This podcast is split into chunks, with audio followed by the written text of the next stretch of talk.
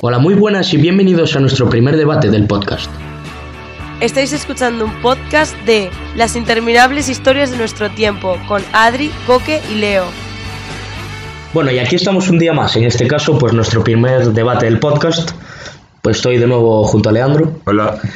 Y el debate girará en torno acerca de la posible, o más que hecha, reforma del Código Penal, acerca del posible delito de exaltación al franquismo y su apología.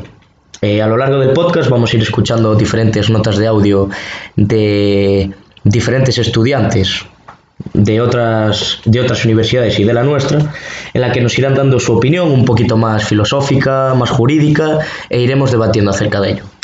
Lo primero y más importante, sin duda, es la definición de lo que es exaltación y apología. En el caso de exaltación, según la RAE, eh, exaltación se define como gloria que resulta de una acción muy notable. Y en el caso de apología, es discurso de palabra o por escrito en defensa o alabanza de alguien o algo. Es importante definirlo porque a partir de ahí pues haremos una reflexión más conceptual e iremos bajando al lodo jurídico, al, pantano que nos gusta. Bueno, nos puede gustar, pero la podemos liar, ¿eh? Yo creo, Jorge, que aquí tenemos que marcar la, leve, diferencia que hay entre apología y exaltación, en tanto a que cuando hablamos de apología entendemos como una defensa algo más lógica y exaltación eh, yo creo que es, tiene un componente más irracional. yo creo, creo que es necesario dejarlo, marcarlo aquí porque es, es, diferente hablar de apología que exaltación. Bueno, sería, sería eh, aventurarse a decir que, que, uno es racional y el otro irracional. Yo diría que algo es algo menos irracional y el otro es más irracional totalmente. Los dos tienen un componente irracional, pero yo creo que para mí hay una diferencia marcable. Igual para ti no la hay. Sí, no, sí, que, sí está, está claro que exaltar, o sea, ya que es una acción muy notable. Es decir, hacer pantanos es una acción muy notable, notable, poco notable. Es decir, como cómo medimos glorificar algo ya significa que creo que ya estás un poquito alejado del plano racional, como, como has comentado tú. A continuación vamos a escuchar el primer audio, que va a ser de un estudiante de la Facultad de Psicología de la Universidad de Santiago de Compostela, de nuestro compatriota Antonio, en el que vamos a ver cómo es una reflexión más filosófica, más no jurídica, porque no, es, no, no estudia ni mucho menos eh, los elementos jurídicos, sino más, más conceptual, de, de qué partimos acerca de la reflexión, si reflexionamos, si no reflexionamos, etc. Hola reptilianos, eh, me han pedido esta gentuza de las interminables historias de nuestro tiempo que divague un poco sobre un asunto de, actualidad, como es la decisión del gobierno de Españita sobre, eh, digamos, penalizar la apología al franquismo. Eh, este tema de discusión, a mi juicio, se asienta sobre un debate más amplio de carácter filosófico, como es el de la eh, búsqueda de, la de, de, cuáles son los límites de la libertad de expresión, si es que los, si es que los hay, ¿no? En este sentido, eh, uno de los filósofos que más han contribuido a, a construir el punto de vista sobre el que solemos eh, vislumbrar este tema es un filósofo británico de la época de la Ilustración que se llama John Stuart Mill. Eh, este tipo tiene un libro que se llama Sobre la libertad, On Freedom, en el que básicamente la tesis fundamental es la siguiente. Eh, toda conducta es legítima en tanto que no cause un daño directo a otro ser humano. Y subrayo lo de directo. claro, esto pues parece bastante sensato, ¿no? Pero el problema con, con Mill es que es jodido establecer cuando una conducta está causando daño directo a otra persona y cuando no. Eh, un argumento que se suele utilizar para, para ah, digamos, contrariar a este autor es el siguiente. Eh, según Stuart Mill, si yo, por ejemplo, eh, tengo una imprenta en mi casa y me pongo a, imprimir eh, carteles propagandísticos sobre que, los sobre que los negros son una raza genéticamente inferior, eh, estoy legitimado para hacerlo porque no estoy causando un daño directo a otras personas. No obstante, si yo voy con mis eh, con mis carteles a una muchedumbre enfurecida portando antorchas y demás armas enfrente de la casa de un negro y la reparto, ahí se entiende que estoy eh, incitando de forma directa a la violencia y por lo tanto eh, pues no, no, estaría legitimado para hacerlo, ¿no? Entonces, claro, la crítica a mí es esta. ¿Hasta qué punto no son la hostia de difusos los límites entre cuando una conducta está generando malestar a otras personas y cuando no? A su vez, el John Stuart Mill también tiene otra reflexión sobre, eh, digamos, eh, cuáles son los posibles resultados de, del hecho de censurar un determinado mensaje. Eh, Mill propone que hay tres posibles resultados. El primero sería que estás censurando un mensaje y este mensaje resulta ser verdadero. Por ejemplo, como cuando, ah, cuando la Iglesia Católica, Apostólica y, y Romana, en toda su santidad, decidió eh, quemar hasta las putas cenizas a Giordano Bruno por defender el modelo copernicano, pues ahí estarías censurando un mensaje que resultó verdadero. Eh, otro posible, otra posible variante sería que estás censurando un mensaje eh, en el que hay parte de verdad y parte de mentira y por lo tanto estarías privando a la población de alcanzar parte del conocimiento. Y eh, la tercera y la más interesante de todas, porque es la que más se adecua a lo que estamos tratando. Eh, ¿Qué pasa cuando estamos censurando un mensaje que a todas luces parece incorrecto o parece falso? Pues, bueno, parece, podríamos estar de acuerdo incluso en que el franquismo como régimen político pichipichá, ¿no? O sea, podríamos ya partir un poco de esa premisa, ¿no? De que las dictaduras como que no molan, tíos. Bueno, retomando. Eh, lo que Mill defiende es interesante, porque dice que ni siquiera, ni siquiera en este caso, en el que, en el, que el mensaje fuese incorrecto o incluso eh, peligroso, deberíamos censurarlo, porque únicamente para, digamos, interiorizar de forma profunda una idea, esto se hace a través de la racionalidad y de la reflexión. Eh, si nosotros, digamos, ponemos muros a la libertad de expresión y ponemos muros acerca de qué temas se pueden debatir y qué temas no, entonces únicamente se acabarán interiorizando eh, creencias por presión social, no por reflexión. Por lo tanto, tendrán una base mucho más débil. Es decir, eh, si nosotros verdaderamente creemos que la democracia es un régimen político superior al de la dictadura, entonces no deberíamos censurar, eh, digamos, las críticas a la democracia. O si creemos que el racismo es una patochada, pues creo que no deberíamos censurar los mensajes eh, que defienden el racismo. Lo único que deberíamos hacer es alzar nuestra voz criticando y diciendo los hijos de puta y los gilipollas que son los racistas, ¿no? No sé si se me, si, se me sigue. Vamos, eh, yo lo que defiendo es que debemos fomentar que cada uno, cada individuo, a través de la reflexión individual, pues alcance esos ideales, no imponerlos por presión social y que sea el papá Estado el que determine de qué temas se puede hablar y de qué temas no. No sé si se me sigue. entonces, bueno, yo la reflexión con la que querría acabar era esa, más o menos, que a los intolerantes, a los fachas, eh, no se les debería combatir con mordazas porque esas son sus armas predilectas, sino que a los fachas se les combate con libertad. Eh, y eso, cuídense. El audio que acabáis de escuchar es de nuestro amigo Antonio, compañero del OSC, en el que se centra en el eh, componente más filosófico de la exaltación de una idea. al principio habla de un, de un autor, Stuart Mill, y se centra en algo que me parece muy importante, que es el límite entre lo, que está permitido y lo que no está permitido, que a mí me parece que nunca o casi nunca debemos prohibir la, la libertad de expresión, pero en el momento en el que la libertad de expresión pasa a ser una acción, como bien explica él diciendo que él, él puede escribir sobre, eh, sobre una idea, él puede imprimir cosas sobre una idea, pero no puede incitar a otra gente a, a cometer eh, actos, digamos, impuros sobre esa idea.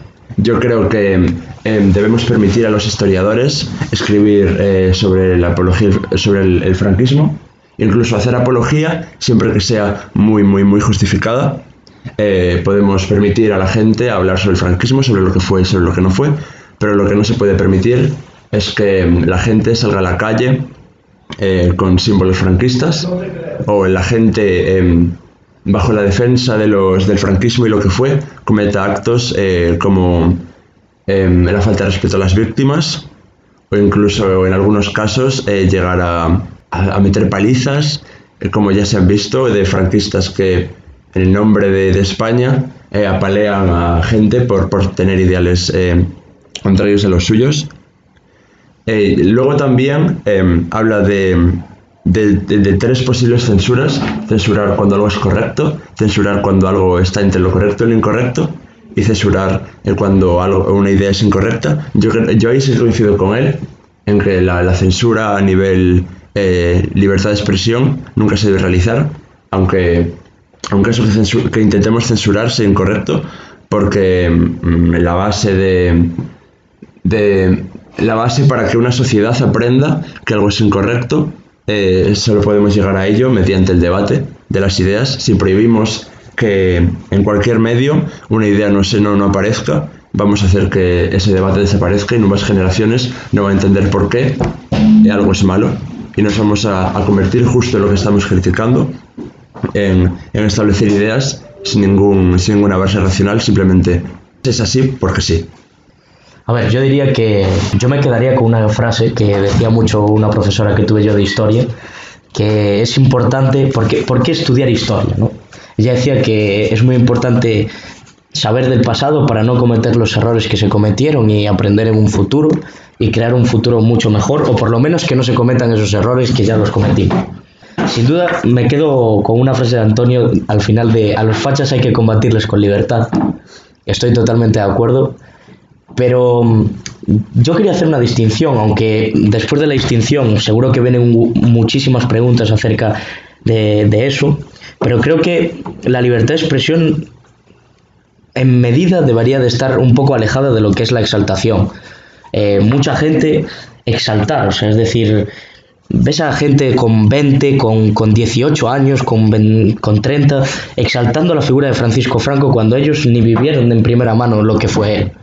Y, y, claro que la dictadura hubo muchísima gente que vivió bien, porque ¿quién no ha escuchado la frase de en los tiempos de Franco se vivía mejor? Pues todo el mundo lo ha escuchado, y, y de mucha gente además. Pero es decir, yo no estoy aquí por el hecho de... O sea, yo estoy a favor de que, de que se reforme el Código Penal, pero no por, por el hecho de, de acabar con el franquismo, sino acabar con, con que el franquismo fue una dictadura. Y creo que la dictadura, aunque sea de izquierdas o de derechas, es una dictadura. Y es algo que no se debería exaltar. Porque para mí la exaltación creo que pasa un poco de la frontera de la libertad de expresión. Y ahí, en ese debate, también entró Antonio en el hecho de cuáles son los límites, si ponemos muros, si no los ponemos, si el hecho de que la... Y claramente, el hecho de que la sociedad pueda reflexionar por ella misma, es decir, pueda autoabastecerse de libros, de diferentes lecturas, de diferentes autores, sepa conocer la historia de aquí, de China, de África, de cualquier lugar, eso genera una sociedad muchísimo más rica y con gente muchísimo más preparada. Y creo que eso es a lo que aspiramos en una sociedad de, de bienestar y de derecho. Pero eso creo que va más de nuestra mano y con ello acabar con, con, una dictadura que hasta el día de hoy nos sigue persiguiendo y tiene elementos que hasta en lo institucional siguen vigentes. Yo creo que la discusión principal que, tiene el, que va a tener el gobierno es donde, donde establecer el límite para que algo sea legítimo o ilegítimo. Yo creo que obviamente todas las personas estamos de acuerdo de que en comportamientos muy, muy, muy extremistas tienen que ser penados pero eh, hay un gran debate en, en, en, el punto en el que se tiene que establecer el límite. Algunos quizás creen que solo comportamientos muy extremos deben ser penalizados y otros eh, que todo tipo de exaltación debe ser penalizada. Yo creo que el, el gran, el, el, gran dilema al que se va a enfrentar el, el gobierno del, eh, del Partido Socialista y de Podemos es establecer ese límite, que para mí yo lo tengo bastante claro, es en cuanto hay eh, un, interés en, cambiar la opinión a acción, para mí eso tiene que ser penado. Ya, pero yo, nunca escucho, no he escuchado a nadie decir, pues han sido valientes. Son valientes y esto lo dijeron en campaña, dijeron que lo iban a hacer y están a punto de hacerlo.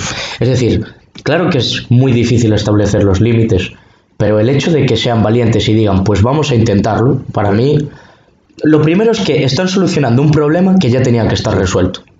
Es que lo que no puede ser es que después de tanto tiempo de la dictadura arrastremos este problema que tenía que haber solucionado hace mucho tiempo, pues en, su momento la, la, transición española, que claramente no es el único problema que no se ha solucionado, el problema territorial sigue sin solucionarse, eh, a nivel institucional hay muchísimos rasgos del franquismo, eh, diferentes partidos que siguen ahí y bueno, hay que dudar un poco de, qué partidos son, pero es decir, eh, yo me atrevería a decir que es, me gusta que sea un gobierno valiente, pero claramente, o sea, en, la valentía, en la audacia puede, puede haber, pueden cagarla mucho, ya, ya lo decía Íñigo Rejón, en, ay, es que puede ser un doble filo, tal, no sé qué, vamos a ver, Íñigo, tú estás aquí, parece que solo estás para las medidas económicas. Tío, hay que mojarse un poco, macho. No sé. ¿No te gustan los gobiernos valientes? Pero a mí sí me gustan. Y lo que- ¿O, quiere- o quieres que dejen las cosas como están? Yo le agradezco muchísimo que hayan puesto sobre la mesa este Bueno, pues este estás debate. diciendo que dices hay un límite no, muy no. importante y tal. Yo no he dicho que, que no lo debieran o lo debieran hacer. Yo he dicho que es, su gran problema, el, el problema que se tiene que afrontar el gobierno es donde establece el límite. Para mí es un debate muy, muy extenso y muy complicado. Y yo creo, en cuanto a lo que dijiste de que este problema ya tenía que estar solucionado, yo creo que sí en la, en, en la transición se ponen a debatir estos temas. En la, la Constitución. Sí, no la Constitución salido. no sale. Si es que ese, ese es el argumento de siempre. Si nos ponemos a discutir esto, la Constitución no sale. Si nos ponemos a, Ya, hablar no, de, de no las es- comunidades, tampoco sale. No es una justificación, no es una justificación. Obviamente son críticas, se tendrían que haber puesto, aunque tardara más. Sí, bueno, pero también se necesita. Yo a la vez entiendo el hecho de que se necesitaba algo, algo visible, en el hecho de cambiar, ¿sabes? Creo, pero, creo que era un momento de circunstancias y se necesitaba algo, pero también creo que a- el hecho de necesitar algo no justifica que lo hagas mal. Pero en cuanto se creó la Constitución, el siguiente partido podía haber dejado la Constitución sin, sin tratar algunos temas por la necesidad de sacar ya una Constitución, pero el momento en el que sacaron la Constitución y se el gobierno, lo primero era tratar esos temas que se habían dejado eh, En, bar- fuera. en barbecho, se dejaron en barbecho. Bueno, bueno, no vamos a entrar tanto y a continuación vamos a escuchar, reflexionaremos de cada audio, pero a continuación vamos a escuchar unos audios un poquito más de elementos jurídicos, más de estudiantes de derecho, porque Antonio pues nos, nos brinda, por así decirlo, nos brinda una perspectiva más conceptual, el mundo de las ideas de Platón, pero bueno, sabemos que bajar a la práctica es importante.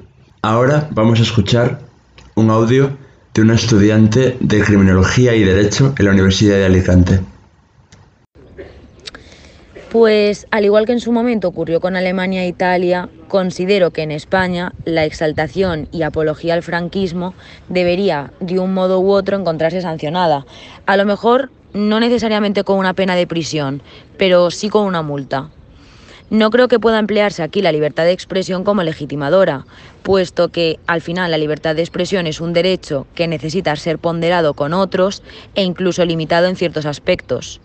Y en este caso, por ejemplo, yo considero que la libertad de expresión cede ante la caracterización de España como Estado social y democrático de derecho, que se encuentra en nuestro artículo primero de la Constitución, ya que, en mi opinión personal, yo considero que cualquier tipo de exaltación a un régimen fascista y dictatorial ha de ser considerado como antidemocrático. Luego, en lo que respecta a la simbología franquista, ya que el PSOE lo que intenta es tipificar tanto la exaltación y apología al, fran- al franquismo como la simbología, pues considero que también tiene que estar prohibida. Del mismo modo que en la actualidad otros países tienen sus figuras fascistas o figuras que recuerden algún régimen dictatorial proscritas. Por ejemplo, en Rusia la figura de Stalin se encuentra proscri- proscrita y en Alemania está prohibida cualquier simbología nazi. Considero que cada uno es libre de tener una opinión, obviamente siempre desde el respeto al otro, y que cada uno es libre de tener su propia ideología. Al final no se le puede imponer a alguien una ideología, cada uno tiene pues esa libertad de elegir cuáles son sus ideales. Sin embargo, sí que creo que en ciertos casos estas ideologías han de quedar en la esfera privada y no pueden ser legitimadas públicamente. Y para mí el franquismo es uno de estos casos, en los cuales pues no se puede legitimar públicamente una ideología fascista. Además considero que el sistema judicial español resulta, por así decirlo, hipócrita en, bueno, en estos aspectos, por decirlo de algún modo. Eh, me refiero, creo que resulta hipócrita en cuestiones, por ejemplo, de libertad de expresión y de reivindicación, ya que mm, pues condenan en Madrid a un activista por intentar frenar un desahucio, que fue algo que ocurrió. Intentaron condenar a un activista por intentar eso, frenar un desahucio. Y sin embargo, se permite que, como se les llama, nostálgicos franquistas, se personen en el Valle de los Caídos durante la exhumación de Franco y dificulte las actuaciones de los cuerpos y fuerzas de seguridad del Estado quedando impunes y sin ningún tipo de represalias, cuando en ambos casos se está intentando, quiero decir, tanto intentando frenar el desahucio como intentando frenar la exhumación, se está dificultando la actuación de los cuerpos de seguridad. Sin embargo, en un caso esto da lugar a que intenten condenar a la persona, mientras que en otros se les da plena impunidad, impunidad lo que yo considero que es, es hipócrita. Bueno, como hemos escuchado la opinión de Andrea, sí que vemos como sí que hay una clara diferencia entre lo que más o menos quiere aportarnos eh, Antonio y lo que nos aporta Andrea y lo que más tarde nos va, nos va a aportar Rafael. Es decir, nos movemos a una esfera más en el, en el hecho jurídico, más en la norma, más en la ley y nos hace reflexionar acerca de otro tema bastante importante que es la simbología la simbología, hasta qué punto debemos permitir la simbología, eh, las banderas, los diferentes gestos, etcétera, que están no solo asociados al franquismo, sino al fascismo italiano o incluso al nazismo. Y volvemos y Andrea nos vuelve a repetir la idea de que realmente estamos combatiendo contra una dictadura, que ese debe ser, creo que el tema principal o de lo que debemos tener constancia en nuestro debate de que estamos haciendo, o sea, estamos intentando no permitir que se haya una que haya una exaltación de una dictadura. Que sí, que pudo haber como hemos dicho antes, podemos decir que hubo elementos eh, no sé, pues buenos o, o con o con unos principios pues que iban en beneficio de la ciudadanía, pero por otra parte, pues sabemos todo lo que conllevó la dictadura y sobre todo en los primeros años, donde se pasaba mucha hambre, donde la gente tenía que emigrar, eh, donde no había una libertad de expresión, bueno, eso durante toda la dictadura, porque fue una dictadura, y, y todo lo que conlleva, pues valga la redundancia otra vez, lo que es una dictadura. Como he repetido antes, sea de izquierdas o de derechas, ¿qué es lo que tenemos que paliar? Eh, en, en, Rusia ha prescrito lo que es la figura de Stalin y en, y en Alemania pues ya no se puede hablar de, de, Hitler. De hecho, los partidos allí tienen un cordón sanitario a los, a los de la ultraderecha alemana, que por algo será. Es decir, no sé hasta qué punto debemos tener miedo de nuestro pasado. Es decir, sabemos que está ahí y en la actualidad está muy presente, ya no solo en nuestro país, sino en toda Europa y en todo el mundo. Pero bueno, es que... Y también reflexiona Andrea acerca de la idea de cómo debemos tipificar ese delito. Es decir, ¿eh? debe ser un delito en sí, podemos aplicar otra norma que no sea la cárcel.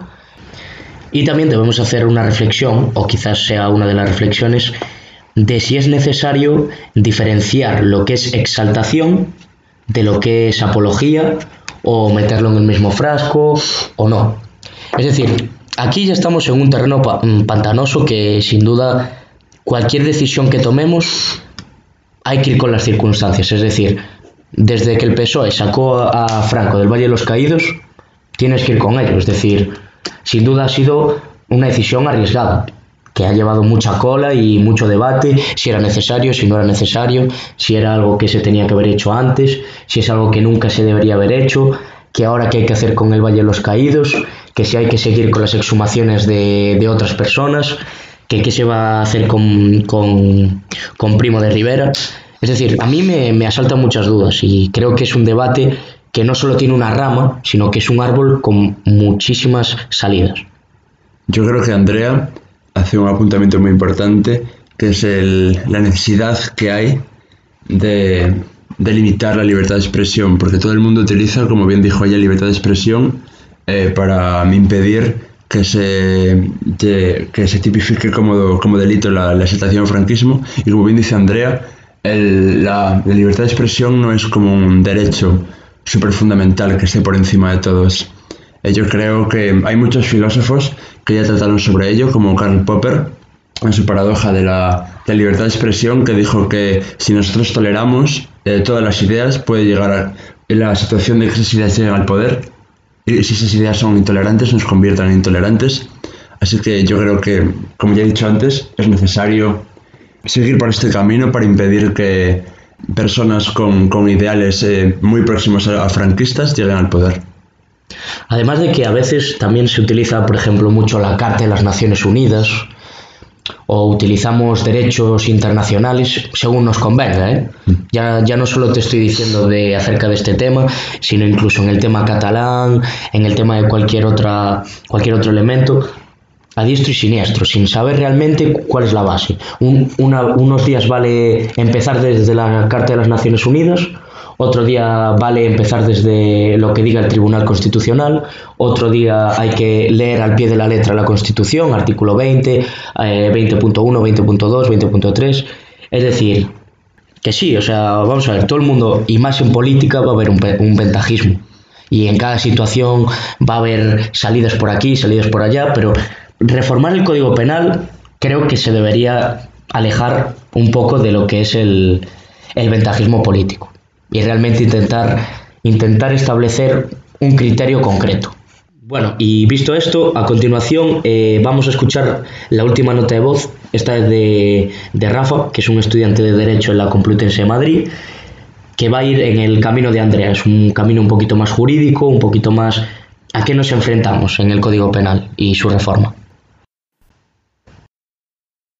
Mi opinión, ¿no? Es decir, este delito que pretende introducir el gobierno de exaltación al franquismo por reforma del Código Penal no me parece del todo correcto, puesto que bajo mi punto de vista es un, eh, pues digamos, un ataque, una, una medida que tiene por objeto reprimir pues la libertad de expresión que está eh, fundamentada en el artículo 20 de la Constitución, ¿no? El artículo 20 de la Constitución que faculta a todos los españoles pues el derecho a, libertad, a la libertad de expresión y a eh, un poco pues el contenido de ese de ese derecho no es otro que poder expresar sus ideas o sus convicciones políticas sin tener ningún tipo de, de represión por parte de la autoridad eh, competente en el momento. ¿no? Es decir, que no me parece correcto que se vaya a introducir además a través de una medida eh, constitutiva de delito, ¿no? porque eh, es decir, la última ratio del ordenamiento jurídico para, eh, para castigar actos que pueden ser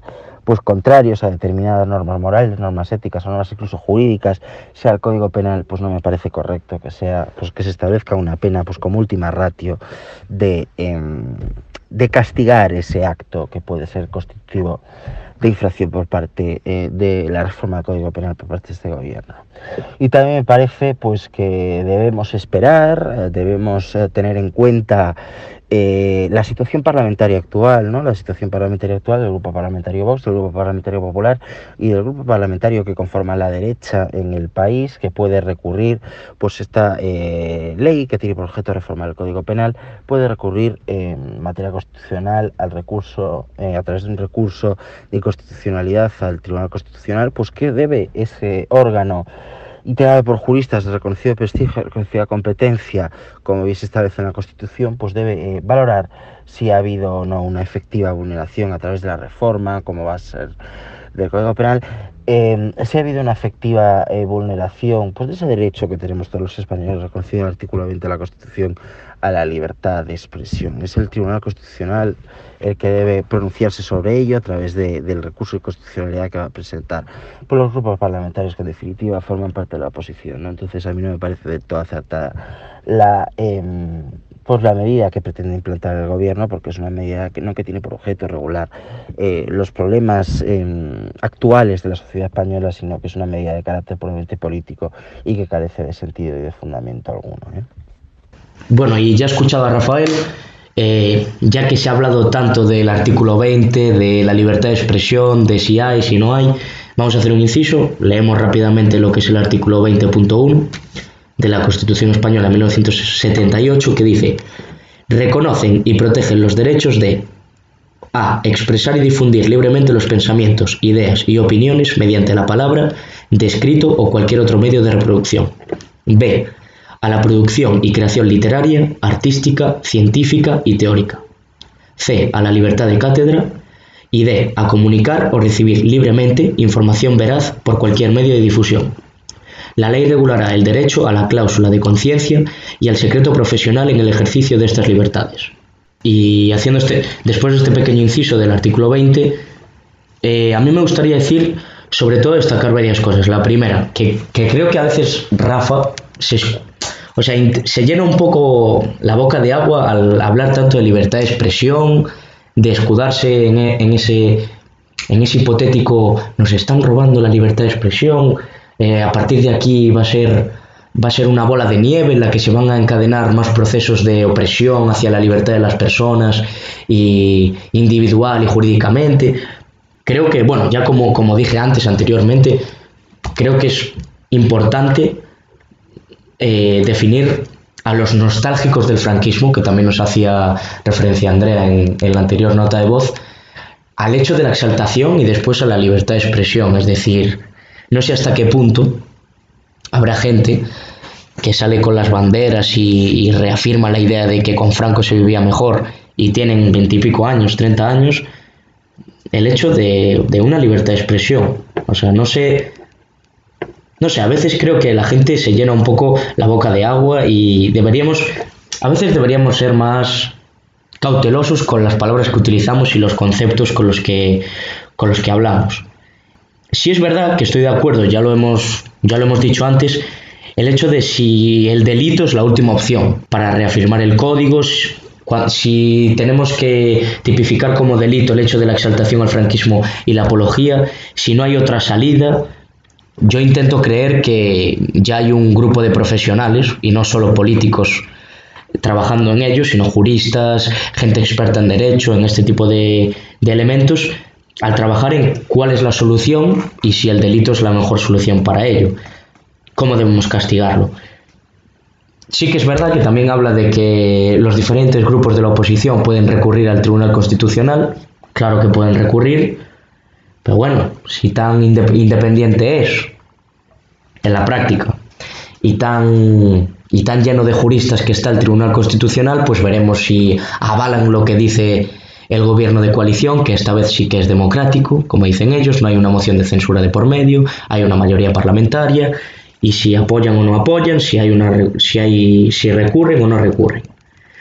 Y por último, quería hacer un quería hacer un inciso en su en su frase del final de de este proyecto del, del PSOE carece de sentido y fundamento alguno.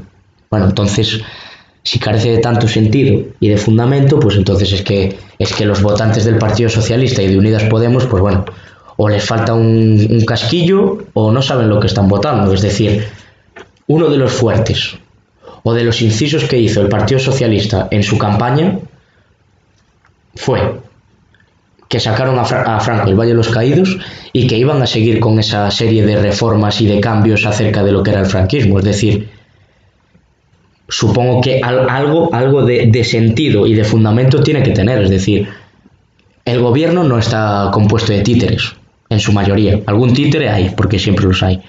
Pero en su mayoría creo que es gente bastante valiosa y con, y con bastante buena fe. Bueno, y ya he escuchado todos los audios, ya puesto sobre la mesa lo que opina Leandro y lo que opino yo. Sí que es verdad que no tenemos una respuesta, porque no existe una respuesta clara a si la reforma que viene es buena o no buena, si, si el delito es la opción o no es la opción, pero creo que hemos puesto encima de la mesa diferentes opiniones, que es lo que buscábamos, y diferentes, realmente diferentes debates dentro del debate. Al principio hemos hablado más de un elemento conceptual y sí que hemos bajado a un elemento más jurídico y constitucional. Mi solución o conclusión de este debate, que creo que sigue sin conclusión, es decir, yo diría que queda mucho por hacer. Queda, queda mucho trabajo encima de la mesa del gobierno, sobre todo qué queremos tipificar como delito, eh, hacer este pequeño debate, bueno, este pequeño debate, dentro de la asamblea, si, si la libertad de expresión entra dentro de la exaltación, si no entra, si la apología sí entra. Es decir, como sí que estoy de acuerdo con Íñigo Berrejón en el sentido de es un, es un arma de doble filo. como lo podemos definir, es un arma de doble filo esta reforma, pero si sale bien, y creo que hay antecedentes en otros países europeos de que puede salir bien, creo que será una reforma bastante bien llevada y una de las grandes eh, bazas o, elementos concretos hechos por el gobierno en coalición.